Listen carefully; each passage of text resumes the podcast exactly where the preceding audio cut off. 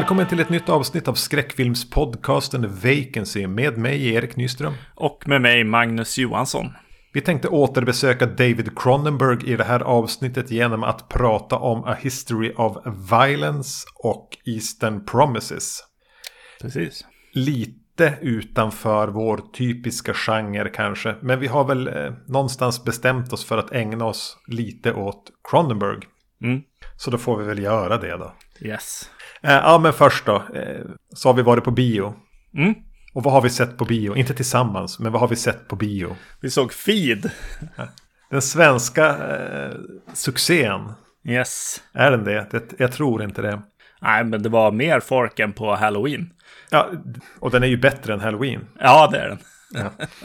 eh, jag skulle gå och se den med, med min lite mitt, mitt vanliga biosällskap, vilket betyder en tredje person som alltid avbokar. Så vi brukar bli jag och en kompis som går och se. Jag stod och skulle beställa biljetterna på jobbet. Och en, en kollega över, jag bara, ja, jag ska bara beställa biobiljetter, men vad ska du se? Jag tänkte se den här Feed. Åh, snälla säg att jag får följa med. ja. Så då blev det inte bara en utan två kollegor till mig följde med också. Eh, och då sa någon i korridoren, ja men det är ju Joakim Lund, Jocke Lundell som har gjort den. Ja. Och jag sa, ja, då är det Ulf Lundells son eller? ja, och då fick jag en lång föreläsning om att det tydligen är någon YouTuber som eh, inte har gjort den här visade sig ju, utan mer bara har sagt att det här lät som en kul idé. Ja, precis. Han stod som producent. Ja. Är han en YouTuber? Vet du mer om vem det här är? Ja, eh, väldigt stor YouTuber. Ja. yes. Uh, och uh, nej, precis. Det låter mer som en uh, Joakim Presents typ. Ja. ja, men det får han väl göra. Mm. För tydligen hade han sagt att det finns en bra svensk skräckfilm och det är Besökarna. Men nu kommer den liksom. Mm. Upp, den värdiga uppföljaren till Besökarna. Just det. Är det det då? Ja, är det det? det? Det är någon slags slasher om några ungdomar som ska... De är YouTubers. Ja. Och ska på något vis göra något sånt här köpt inlägg om ett ställe där man kan åka. Och en resort typ. Fast en lantig norrländsk sådan. Mm. Lite så här vildmarkskamp fast eh, lyxigare. Ja. Och, och, det finns kanske en häxa i sjön och de börjar dö en efter en. Ja. Typ. Mm, jag menar, är den bättre eller sämre än, än Strandvaskaren? Uh, alltså det var länge sedan jag såg Strandvaskaren. Men ja, jag mycket länge sedan. tror att jag gillade den mer än den här spontant. Men jag tycker att den här är stark i början. Den har, har en bra, bra start. Uh, och uh, start på skrämseldelen är, är, tycker jag är faktiskt riktigt bra här. Vad är det? Är det, är det den drönaren råkar fota någonting i vattnet eller? Ja men det och så, och så fick jag, jag fick lite feeling när det började regna och sådär. Jag, ty jag ja. tyckte att det var bra, eh, bra slasher slash eh, eh, Blair Witch liksom vibbar där mm. ändå.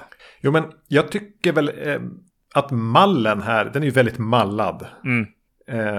men de vet, de kan mallen. De har slängt in ett gäng otroligt trista karaktärer. Mm. Eh, oskrivna karaktärer. Men, men, men att den är... Den vet exakt vad den har tänkt göra för film och vet när den ska göra vad. Eh, Ja. Sen tycker jag att den är lite små. Alltså den är ju, den är ju väldigt... Den har ju ingen intensitet. Den är, den är ju småtrist mellan varven. Ja, precis. Jo. Eller mellan varven rätt ofta. ja, ja. Nej, men det är väl lite så här.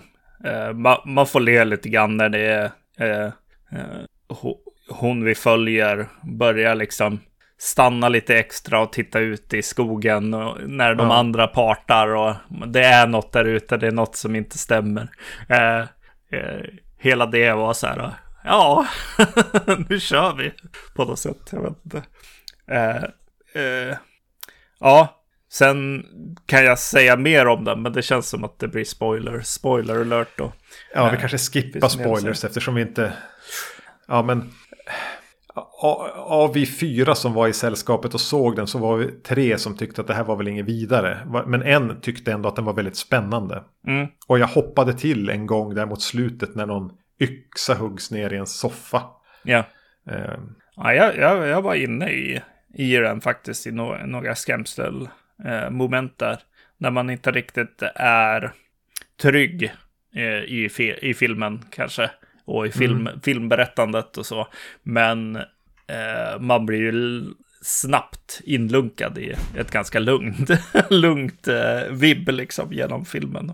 Ja, det, lite grann att den antog känslan av, av våra amatörfilmer. Ja, jo. Att ja, men då ska vi gå dit, då filmar vi hela den sekvensen när vi går dit. Mm. Ehm, Och så var det några som var riktigt risiga också. En, en eh, som var lite mer behind the scenes eh, producent liksom. Eh, Ja. Till de här YouTubers. Eh, den skådespelaren eh, gjorde inte bra ifrån sig. Ursäkta om du är den skådespelaren som lyssnar men.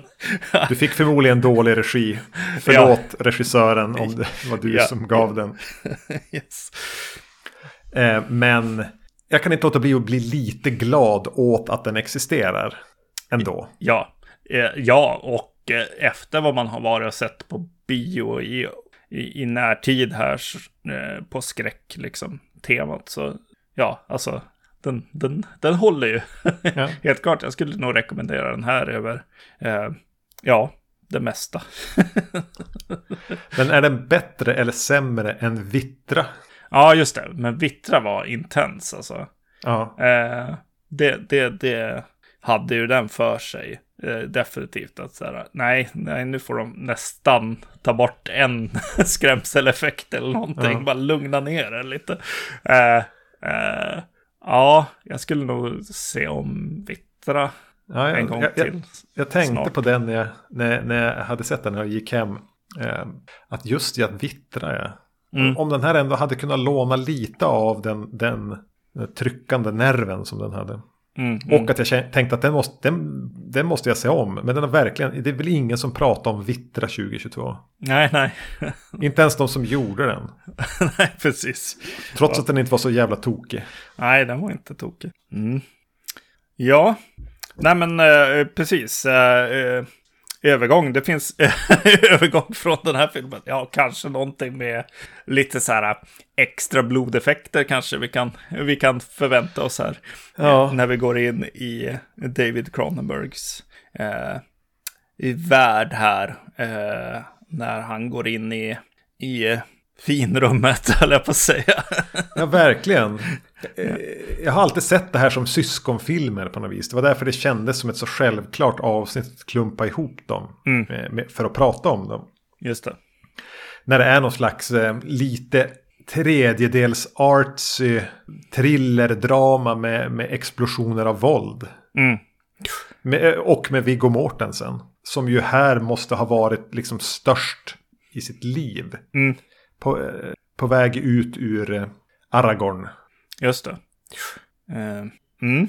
Men vi börjar väl med A History of Violence då från 2005. Ja. Som är baserat på en så kallad graphic novel tydligen. Ja. Eh, jaha. Ja, det är inget jag har läst faktiskt. Nej, eh, alltså jag är så otroligt usel på, på, hela, på, på att läsa sådana. Mm. Eh, Cronenberg har tydligen så här halvpissig attityd till det också. Ja. Att, ja men det är ju serietidningar. Nej men då har de försökt förklara att det här är ju, det finns ju mörka vuxna. Ja men det är fortfarande serietidningar. Ja. Ja, men det är ju mer som en roman, det är mer som en bok, det är en serietidning. Ja. Ja. ja, just det. Ja, det står väl graphic novel just det. Ja. Eh, Så, så, så fint man bara kan göra det i förtexterna liksom. Comic book. Yes. Eh, Viggo Mortensen spelar en familjefar i en småstad någonstans i USA. Eh, som efter ett har hamnat i rampljuset efter ett eh, hjältedåd. Så börjar hans förflutna som eh, förmodligen någon slags gangstersnubbe komma ikapp honom. Mm. Och det finns människor från hans dunkla förflutna som vill honom illa. Ja. alltså, jag vet inte. Det, det, det är väl meningen att alltså, den ska vara lite i det här eh, Tarantino-eftersvallet på något sätt här, eh, filmen. Men eh, första, eh, första öppningsbilden, liksom, som öppnar på något motell, tror jag. En bild, Ja. bild på en dörr. Eh, och sen börjar den åka eh, åt sidan. det första jag tänkte, oh, eh, David Cronenberg har sett en Errol Morris eh, dokumentär och lånar den visuella stilen därifrån. eh, det, var, det var något i ljus, ljussättningen av, eh, av någonting som är autentiskt på något sätt. Att det, att det finns ett överdrivet eh, ljussättning eller färgsättning av någonting som borde vara helt naturligt. Som, som fick mig att tänka på, på Errol Morris där. Låna Errol Morris visuella stil. Det är nog få som medvetet har gjort det. ja, japp. Eh, ja, den är ju en väldigt lång tagning här också av någon anledning. Mm. Med några kriminella snubbar som verkar eventuellt ha rånat något på ett, no, rånat ett motell. Mm. Men det är som långsam och folk springer in i någon dörr och kameran åker i sidled och ut till en bil. Och mm. Jag förstår inte riktigt varför det ska vara i en tagning. Annat än att alltså, kameramannen tjatar sig till att få göra det. Ja, precis. Jo, det är väl där jag, jag får den här känslan av att det ska vara eh, Oliver Stone Tarantino-film. Ja. uh, Wrong Turn eller någonting. Eller vad den heter. Wrong Turn heter den inte. Ja, men det är Oliver Stone. U-turn. U-turn. Jo, wrong turn är det. Ja. Uh, men, ja, jag vet inte. Men det är väl ungefär den kamerarörelsen vi får å andra sidan, känner jag ja. i filmen. Det är en film som blir väldigt liten. Den krymper en enormt. Alltså den känns yeah. som en pjäs. Ja, jo precis. Du har liksom eh, ett, eh, en hall kombinerad med ett vardagsrum typ. Eh, och du har en, eh, eh, eh, ett fik. och it, alltså ute på gården.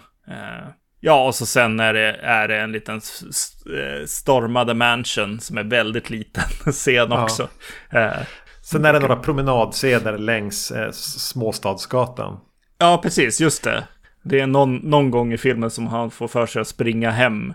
Eh, och det var några korta stulna bilder som, som eh, lyckas förklara att han har bråttom hem på något sätt. Ja, jo, det är en väldigt ekonomisk film. Ja, japp, definitivt. Och, ja, men den här fick ju väldigt fina recensioner, eller så här hyfsat fina recensioner.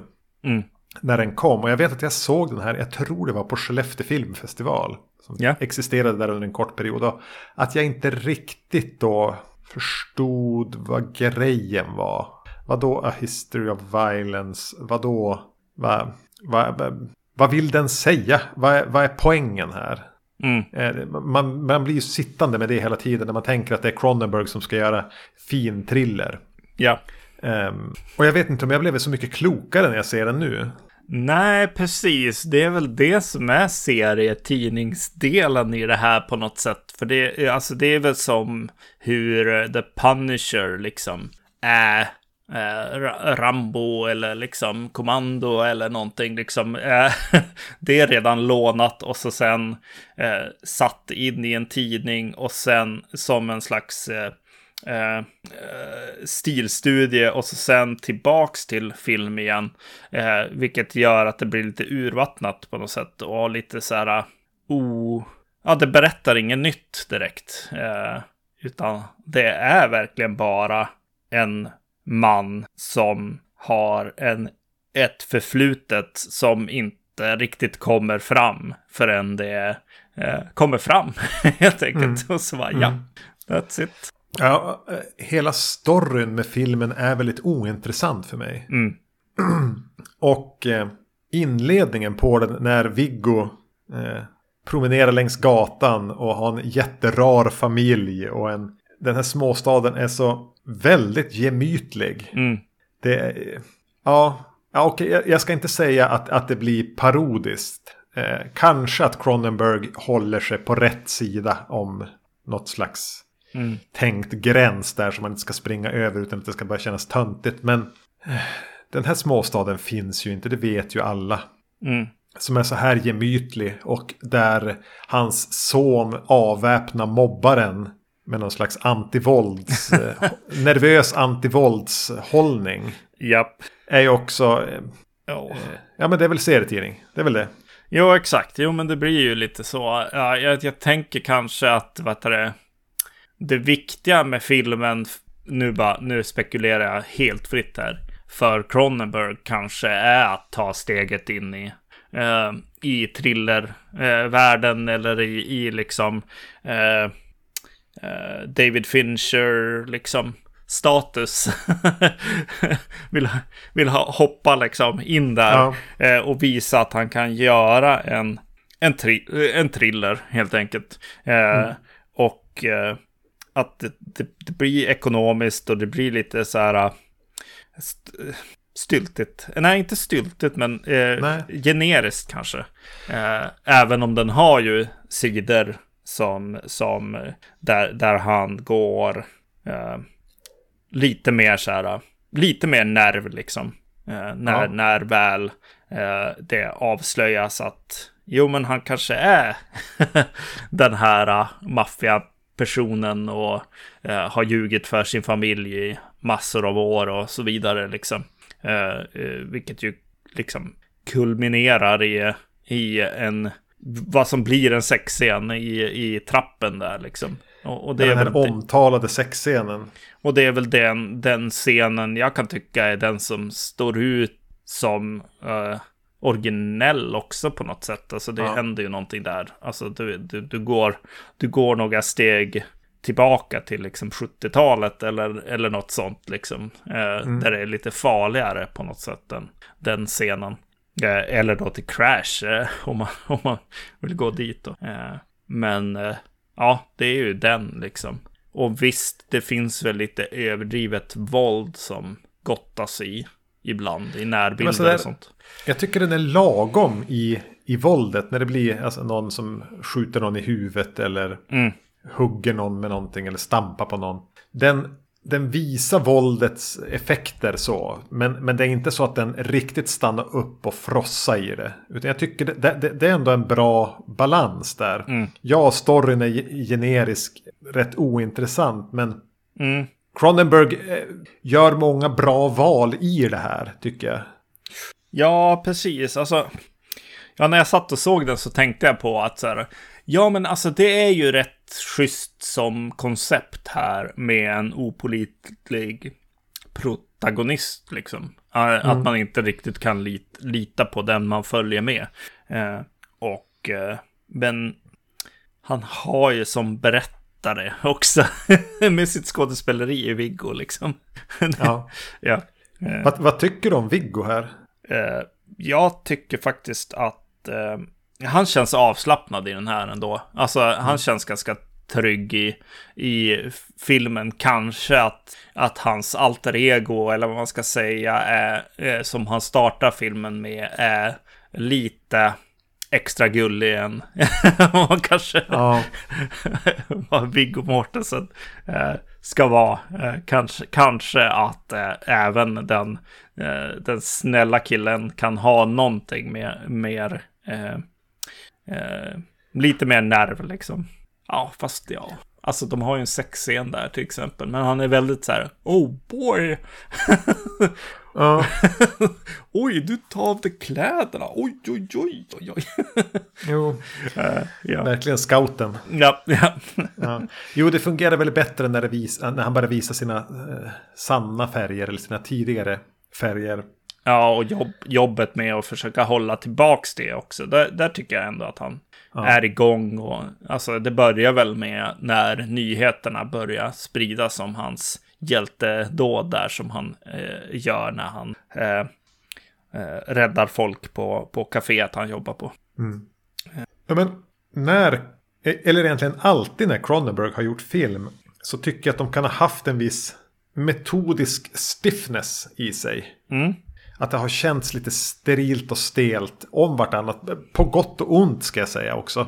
Ja. Att det inte alltid är dåligt. Och här har den väl mer en men den här, en metodisk känsla. Men att på något vis kanske är det bara storyn, eh, skådespelarna, eh, allting som gör att den, den känns lite mindre stiff mm. för att vara Cronenberg. Den har ett lite mer gung, ett lite mer flyt. Och den har en så här lagom dov, lite höstig känsla. Mm. Så vissa sådana saker tycker jag sitter rätt bra. Och, och jag håller med, Viggo är, han är bra här.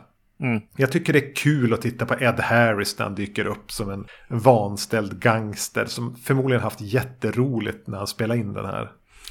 Ja, precis. Men, men där känns, känns det som att det sitter lite av det här st sterila kan jag tycka. Att det, den, den är både han och eh, William Hurtsen som tuggar scenogra scenografier. Nu jävlar. Säger i slutet. Men eh, eh, alltså jag bara tänker, tänk om han hade tagit med sig eh, Michael Ironside istället för eh, Ed Harris här. Så hade den blivit en lite farligare film. Eh, det, det är någonting som är lite så här.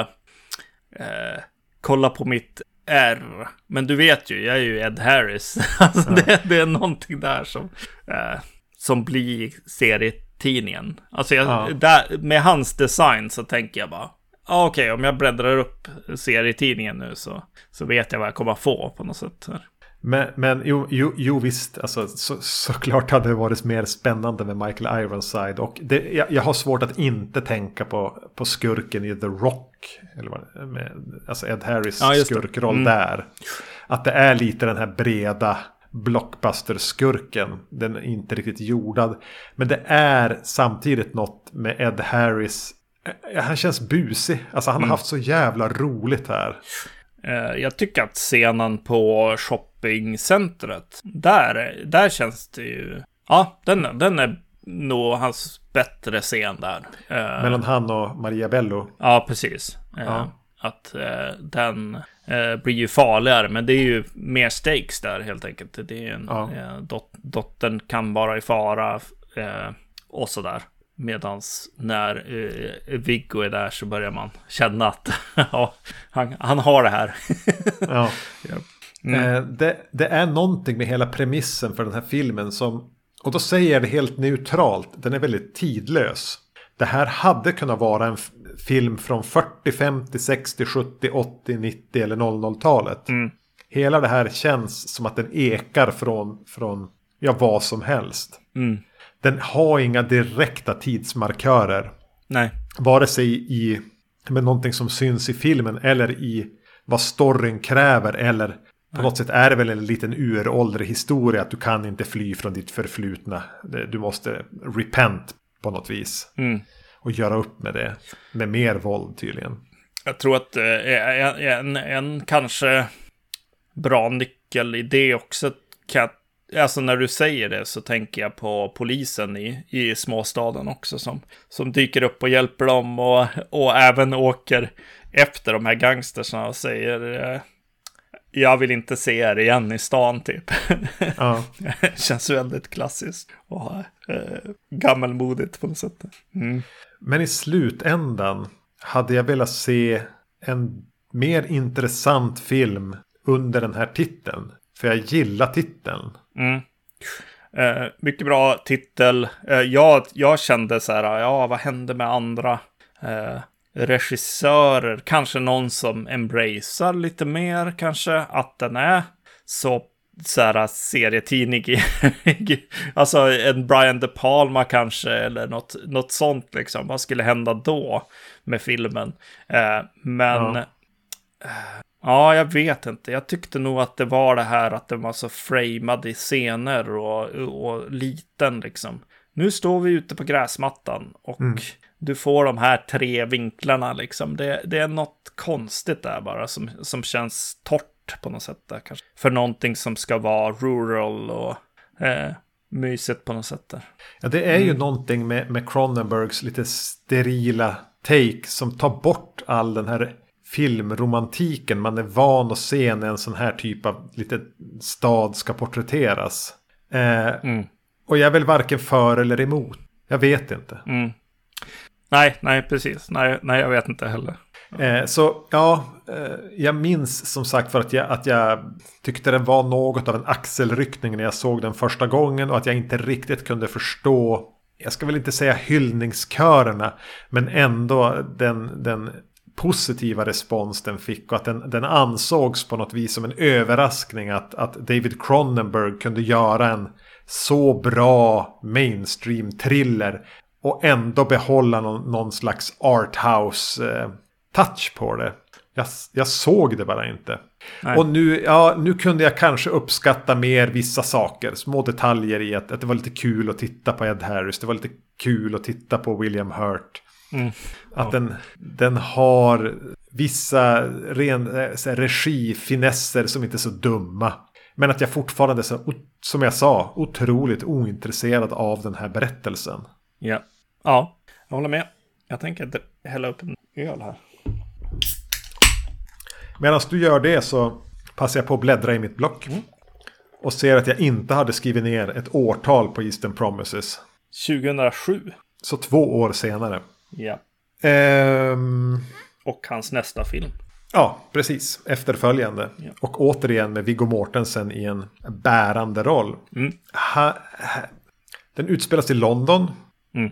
I, eh, uteslutande i de ryska maffiakretsarna där. Där en eh, 14-årig flicka dör i samband med att hon föder ett barn. Barnläkaren, vad heter det, midwife. Mm.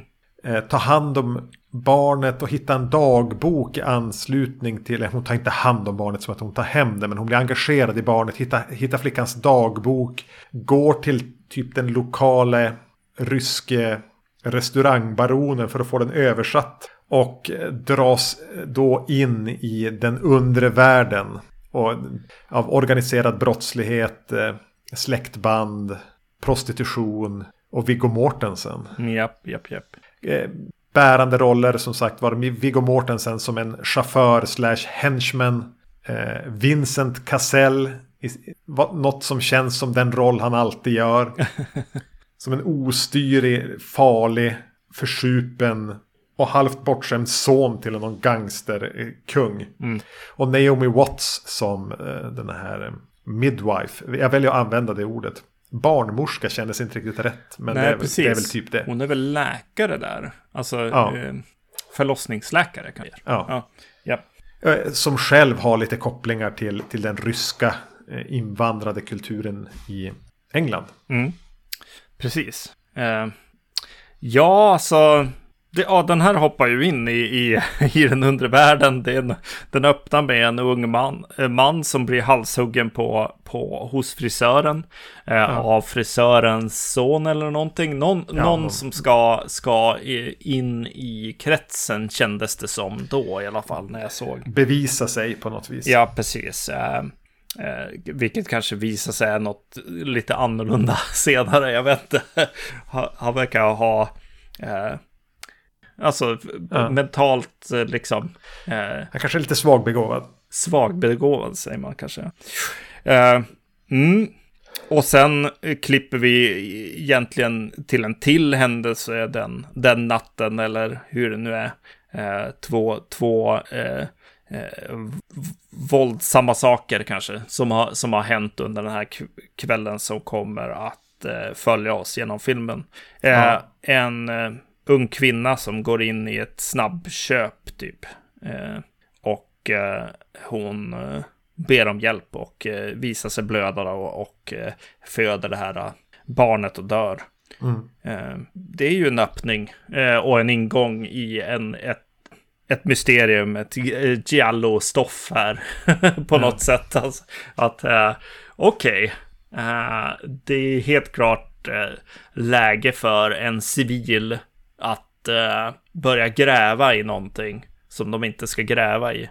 Precis. Av den här febriga dedikationen till någonting som man själv helt saknar. Ja, exakt, exakt. varför, varför? Sluta bara. Eh, yes. Ja. Och- men jag tycker att filmen hanterar det väl. Alltså, jag tycker att det är en bra ingång i ett, i ett sånt mysterium. Eh, och jag, jag kan liksom följa med premissen helt enkelt, kanske. Eh, mer än, än faktiskt vara i hennes kläder eller så. Utan jag, jag, jag säger mer om setupen än om de faktiska känslorna som visar sig. Kanske. Eh, någonting som eh, slår mig tidigt. Eh, nu, nu hoppar jag lite i det här men eh, den här är väl eh, filmad på film. uh, I guess. Uh, för det var någonting som slog mig att så här, åh, vad grynig och mysig den var. Ja, den har en, en jävla mysig textur. Ja. I det här lite, jag menar, ett murrigt, regnigt, slaskigt London. Och Mm. dovt, dovt foto. Mm, mm. Uh, ja, ser väldigt bra ut. Och, och Cronenberg har ju lite den här utomjordingens syn på London. För hur mycket London har man inte sett på film? Antingen då i brittiska filmer, Sherlock Holmes mysterier eller eh, vad du vill. Eller då amerikanska filmer som utspelas i London och de ser ungefär likadana ut. Mm. Men här är det ett helt annat blick på London. Mm. Ska vi skylla det på att han är en, en kanadensare? Men det är någonting med att, med att den har en, en, en helt annan vinkel på London. Jag vet att vi är där, om det nu är London, men en engelsk storstad i alla fall. ja. Eh, att man, man, man hamnar lite på en annan plats i det här regniga snöslasket som fotas på ett annat sätt. Och återigen så känns den väldigt liten. Precis som med History of Violence så är det inte så mycket svepande åkningar eller vi ska visa massscener av folk. Utan att det är ganska isolerade sekvenser. Inne på någon fest eller inne på sjukhuset. En dialog i ett vardagsrum. I någon gränd där de står och pratar. I, i, där någon får halsen avskuren i en, en frisörstol. Det är få skådisar. Det känns ganska litet. Nästan lite klaustrofobiskt. Det skavde på något vis i A History of Violence. Jag, eller det limmade inte fullt ut. Men här tycker jag det skapar en, en egen värld. Tillsammans med det här korniga, riktigt filmiska fotot. Ja, precis. Jo, och så alltså han, han eh, vågar sig på att hitta bra fasader och sådana saker också som Ja. jag kan uppskatta från Giallo-filmen. Alltså där hon eh, verkar bo eh, som att bli hemskjutsad någon gång och, och eh, det är ett stort fönster i något så här litet snett tegelhus eller hur det nu var. Men Eh, och inne är det lite rött eh, på väggen och så här. Eh, jag, jag, jag eh, kändes, ja det kändes väldigt mysigt eh, helt enkelt. Eh, att vara i de här miljöerna. Eh, Cronenberg har ju ofta haft en fascination för arkitektur och fasader. Ja. Och bara ett hus som han gillar och med någon färgdetalj och så. så eh, ja, man känner det här. Det känns ganska organiskt här. Det, det är inte så stylish. Men ja, precis. Just man det. känner igen sig. Ja, ja, precis. Rabid och ja, precis. Jo, det, det finns definitivt eh, här. Eh, alltså, här. alltså, jag menar, Ed Harris var ju lite, eh, lite som han var. Eh, Den här sk- skurkbossen som, som man får, får eh, möta här som, som eh, driver den här restaurangen och får gå och laga lite mat åt henne och eh, ha lite så här, eh, han har lite så här mo, mo, eh, farbrödrigt eh, liksom klädsel på sig och så. Eh, han, eh, alltså jag tycker han är hur bra som helst i filmen. Eh, jag, jag, jag vill bara se mer scener med, med honom eh, och eh, vi vet hela tiden att han har fått den här respekten. Folk är rädd för. Eh, man visar ingenting av det. Utan han bara tofflar runt liksom. Vet. Alla vet vad som kan hända. Eh, men eh, eh, ja. Eh, och jag känner ju det också. han är ju väldigt bra i den här filmen. Den skådisen. Ar-. Armin Mueller Stahl. Ja, precis. Ja.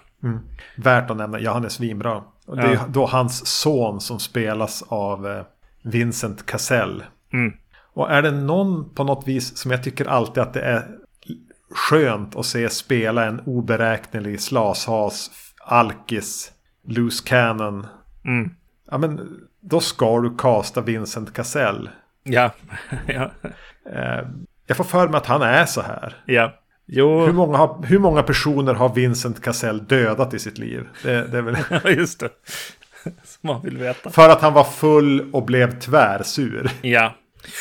Jo, alltså de- den här relationen är väl inte jätteovanlig i, i eh, maffiafilmer. Att, att det finns en, en son som eh, kommer in i, i branschen eh, via liksom infödda med pengar på något sätt och blir, Ja. blir den här typen av, av karaktär. Eh, och eh, pappan eller, eller andra måste dras med den här personen.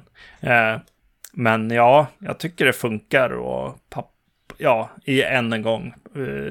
Eh, det är en jättebra counterpart till, till pappan också. Och in i det här valsar då Naomi Watts. Som ju alltid blir Naomi Watts. Alltså hon har ju sin karisma. Och är ju sin, men hon är ju alltid någonstans för mig Naomi Watts. Ja, ja.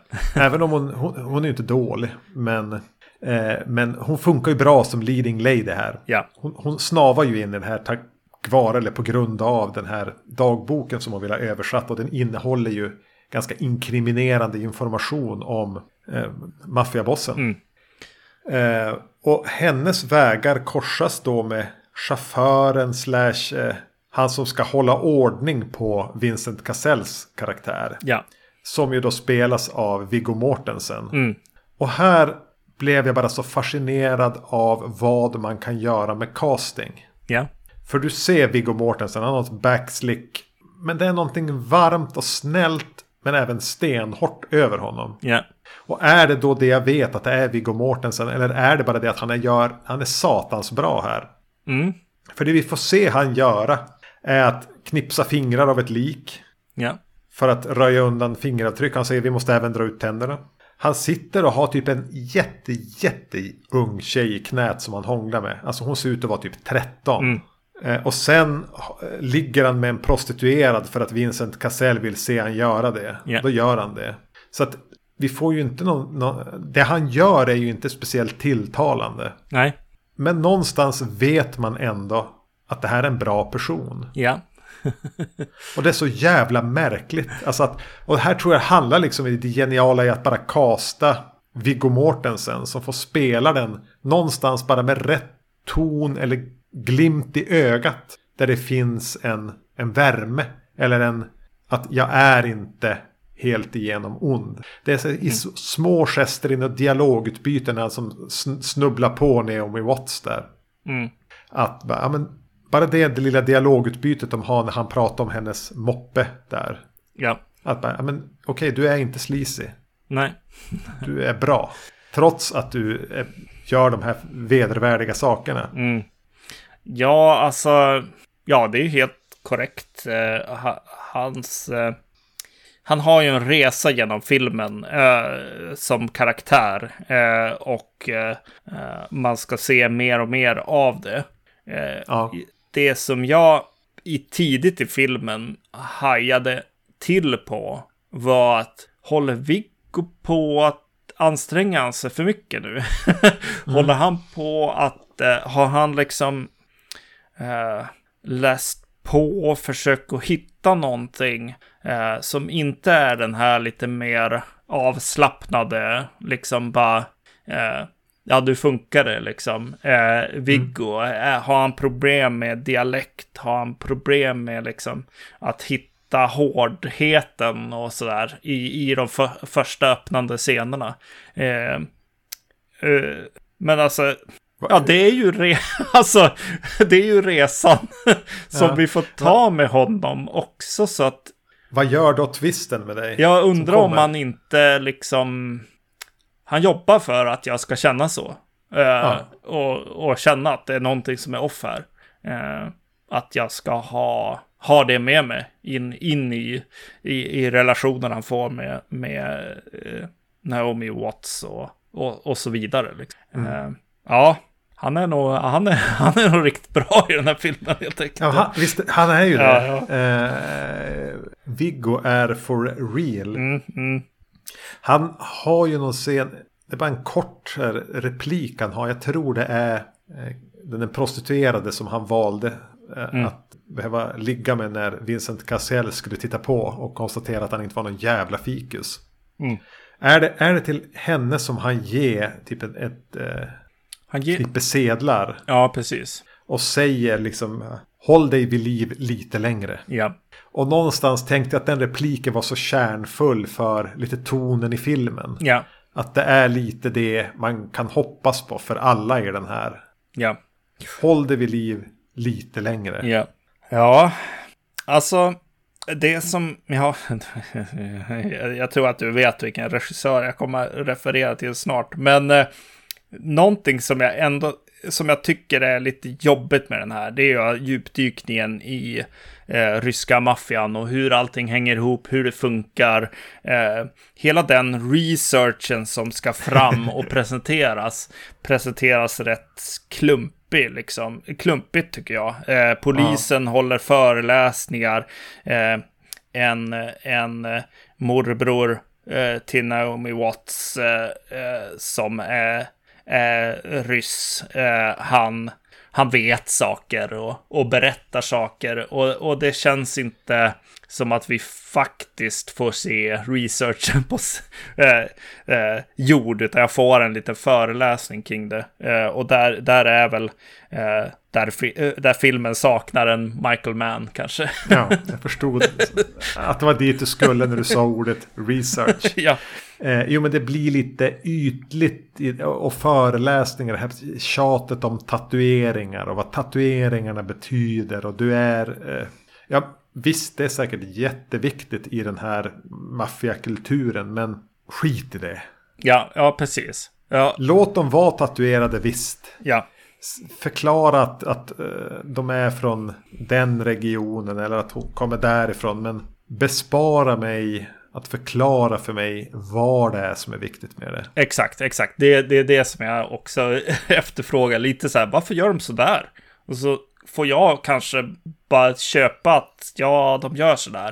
Uh, ja. Och så sen om jag vill veta mer så får jag veta mer. Men jag får en trygghet i att uh, filmskaparna vet vad som sker.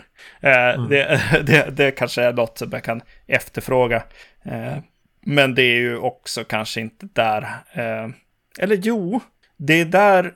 Ja, jag, jag, tror att jag har lite problem med manuset där. Eh, eh, kanske att David Cronenberg.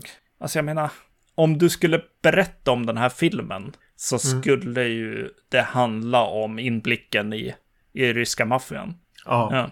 Eh, så det är lite, lite synd att den är lite som den är. Eh, scenerna med, med maffiabossen och liksom eh, hur, liksom, eh, hur de tar hand om ett problem. Maffiabossens son är inblandad i någonting.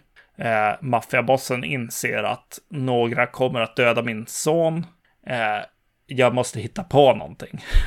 Den delen är ju eh, bra berättad. Eh, mm, smart. Ja, precis. Mm. Och, och man hänger med och, och, och så. Um, mm. Lite att, att kanske, utan att, utan att spoila någonting, men själva finalen. Och, det är någonting med dramatiken där som inte riktigt når någon kulmen med att någon åker dit på typ ett blodprov. Ja, just det. ja, visst. Eh, det skulle kunna ha en så här skön avdramatiserad punchline, men... Det är ju lite så här, vad kan vi ta de här på överhuvudtaget? Ja. Alltså, det, där, där kan jag tycka att det har lite med, med den här researchen på något sätt. Eh, det är lite Michael Manit. Alltså vi kommer inte ta dem på det de faktiskt gör. Eh, utan vi får säga, ja du körde för fort ja. på motorvägen liksom. För att retas lite, lite istället och röra om liksom. Eh, I, I de här kretsarna och se vad den nya liksom, regimen kan, kan komma på. Den kanske är lättare att, att fälla. Ja, precis. Eh, på det rätt, riktigt ordentligt. Mm. Eh, men att prata om Eastern Promises och inte nämna den här badhusscenen är väl tjänstefel. Ja, jo. För det är ju, om, om det är trappsexscenen i A History of Violence med Viggo och Maria Bello som på något vis är det man, som har varit snackisen. Mm. Så är det ju här när Viggo har haft något möte med någon han, i, i bastun. Eller vad det är. Någon ja. stort turkiskt bad, bastugrej. Och sitter bara liksom i en handduk och slappar efter det. Och så dyker det upp två män i typ kostym som knatar in där med kniv. Mm. Och ska avrätta honom. Yeah. Och han tappar handduken det första han gör. Yeah. så vi får en, en fighting-scen med en naken Viggo Mortensen som slåss med två män, knivbeväpnade män. Ja, i skinnjackor har de till och med. Ja, ja, det, med, ja just det. Jo. De, de måste svettas otroligt Ja. mycket. Eh, det är ju en häftig scen, visst är det? Ja, jo, definitivt. Det, det är ju uh, något att vänta på, helt klart. Ja. Det, det är så konstigt hur mycket man bara går och längtar efter manlig nakenhet på film. Just det. Ja, För vi pratade i föregående avsnitt då om, eh, var det Last Cannibal World? Där, där huvudrollsinnehavaren i en stor del av filmen springer runt spritt språngande naken. ja, ja. Och här får vi Viggo spritt språngande naken. Dessutom liksom krälandes runt på två ryska hitmans. ja. Jo, just att det inte är snyggt alltså. Utan det är, det är överleva på något sätt där som, Ja, som gäller. ja, han, Eh, mm, eh, nej, det är väldigt bra. Uh, ja, någonting som, alltså, i, ja, mot slutet så, så är det en scen också vid vattnet eh, som vi har sett tidigare i, i filmen, en, en viss plats liksom. Eh, det här Grändenvattnet. Ja, precis. Och så sitter en karaktär vid, vid kanten av vattnet och så kommer kameran liksom smygande bakom och upp, eh, upp för att titta ner i, i, liksom i vattnet eller vad han har i famnen. Eh, och- och det, alltså det är ju en sån där som bara, ja men okej, vi ska göra ett litet collage om, av eh, snygga, snygga grejer på Oscarsgalan, liksom till lite Oscarsmusik, liksom. Eh, Ja. den, den bilden tycker jag är fantastiskt snygg. Eh, Ja. Där. Mm. Ja men det är ju en snygg film. Ja, jo, jo det är det. Definitivt. Ja. Nej, Eastern Promises är bra. Jag kan tycka att den är lite klumpig och tydlig, övertydlig på, nå på vissa, vissa ställen, men eh, Ja men vad ska man förvänta sig med liksom en, en vit västerlänning som ska förklara någon annan kultur som man har läst om? ja, just det, ja. Då blir det lite så här. men. Ja, Den är ju vida överlägsen History of Violence som är en axelryckning. Det här tycker jag är en, en bra crime thriller. Mm. Eller crime drama. Ja, jo det är det. Snygga miljöer, minnesvärda skådespelarinsatser, stämningsfull, bra musik dessutom. Så Mm. ja, kanske att den här förtjänar lite mer renommé ändå. Ja, precis. Ja, det kan man tycka. Eh, det här är en film man kan se på Netflix, va? Också. Ja, jo, jag såg den på Netflix. Det, det är väl tips också om, om ni inte har sett den. Eh, Mm. Just det. Alltså jag är lite sugen på att prata lite mer om feed eh, och spoil spoiler. Ja, men då gör vi det. Nu, när ni har lyssnat klart på oss prata om två Cronenberg-filmer och vi eh, började prata om feed. Ja, spoiler-territorium, Scooby-Doo. ja, exakt. Alltså, vilken, varför heter det inte bara Scooby-Doo? Och varför åker de vanliga bilar? De borde ju kommit i, i eh, The Mystery en Van. van. Ja. Alltså gud vad, vad Scooby-Doo inte blev. Alltså shit. Eh, och det är, det är ju både på gott och ont på något sätt. Kan jag tycka för filmens, eh, filmens del. Eh, att eh, det är synd för att jag var lite så här. Ja men den här häxan är cool alltså. Ett tag. Jag tyckte om. Märit. Ja. Det var inte så dumt. Ja, precis. Jag tyckte om den här pinglan som, som kom in också. Eh, och, och så här, ja men det här är ju rätt bra. Det är kul att, att berätta om någonting först. Eh, presentera någonting som kommer vara läskigt och så sen eh, spela på det helt enkelt. Ja. Eh, jag, ty jag tycker det är bra setup på, på den nivån. Men eh, eh, så det går ju sönder med en Scooby-Doo-handling helt enkelt. Och jag, jag, jag, jag har hört lite feedback så här från eh, eh, barnens kompisar. Att så här, den är inte så himla läskig alltså. Eh, och det är väl, alltså, när man går därifrån, eh, från biosalongen så är, är den ju inte så skrämmande eller läskig. Eh, för att den har punkterat sig själv där eh, på något sätt. Är min känsla i alla fall. Eh, samtidigt som eh, jag tycker Ja. att den kan behöva det. jag tänker att Scooby-Doo. Ja men det blir, ju, det blir ju lite skojigt. Och jag hade ganska kul åt den här stackars eh, kvinnan med amputerat ben. Ja, Alltså vilken jävla dålig semestertripp hon hade. Ja, ja. Låt henne bara dö. Nej men hon gör ju mest nytta av alla. Ja, Trots att hon hamnar i chock och är på väg att dö flera gånger. Eh, och, och, och det finns ju en grej som jag gillar med, med filmen. Nu, är den, nu görs den lite övertydlig här, men eh, de jag gillar är ju där när karaktärer berättar twisten före eh, den händer. Alltså att, att den bara säger det hela tiden. Eh, och eh, huvud, huvudkaraktären, hon vi får följa liksom. Eh, hon bara hela tiden bara skriker ut, det finns ingen jävla häxa. finns ingen jävla häxa, släpp det där. Men är ändå inte hon drivande i att de ska göra den här drönarfiskningen? Alltså när de sätter fast foten i en drönare. ja, Hon precis. tycker ju det är en bra idé. Ja, exakt, men hon säger ju också annars hade ni ju dödat henne. Ja, Det är ja, något det är där så. liksom. jag, jag behövde kapa av ett ben så att ni skulle lugna ner er eller något. Jag vet. Den sekvensen är ju lite festlig också. Drönarfotot. Ja. Där, när foten hänger Ja. nedanför. Att vi får följa den bilden. Ja. Ja, jo. Eh, rätt schysst eh, avslutning på den också när handen kommer upp. Eh, Mm. Tycker jag. det är bara, ja, det är klart det ska vara sådär. Ja. Ja, Eh, ja, ja, äh. ja, jag vet inte. Det, var nog det jag ville prata om. Det var så Scooby-Dooig liksom.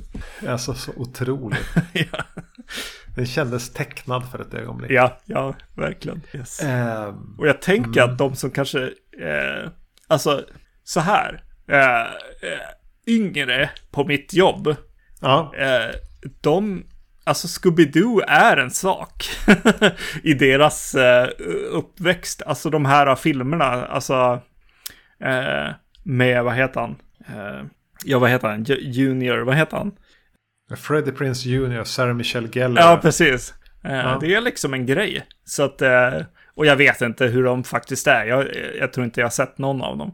Eh, Jag har nog faktiskt sett båda. ja, just det. Men eh, Eh, men men jag kan tänka mig att publiken för den här filmen då kanske kommer att gilla det.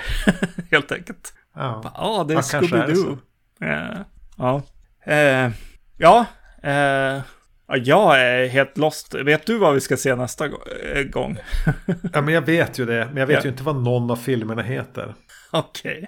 Det här är ditt jävla avsnitt. Ja, just det, just det, just det. Ja, vi ska se, se på italiensk eh, lite superbovar eh, Ja. helt enkelt nästa gång. Eh, och eh, ja, Ska vi, bara, ska, vi, ska vi lämna det så eftersom jag antar att du inte har titlarna i huvudet? Nej, precis. Vi gör så. Men, men vi, vi, vi, vi tänker att eh, bokstaven K är ganska viktig.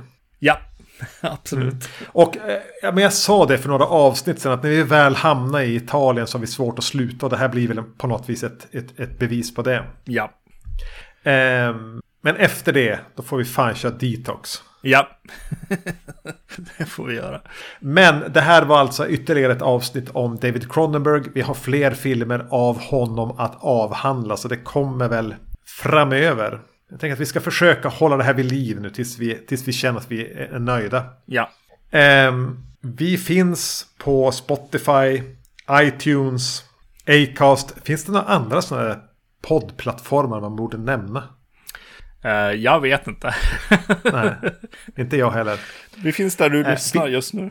Ja, där du är just nu, stanna där. Yes. Vill man komma i kontakt med oss och tala om för oss vad det nu är som är så förbannat bra med History of Violence så är ju Facebook kanske ett bra eh, alternativ. Annars kan man skriva till oss på podcast vacancy.se eller kontakta då mig på Instagram. Jag heter Erknym. Och jag heter Zombie Magnus. Det gör du. Men vi får väl tacka för att ni lyssnade. Så hörs vi igen i nästa avsnitt. Det gör vi. Hej då. Hej.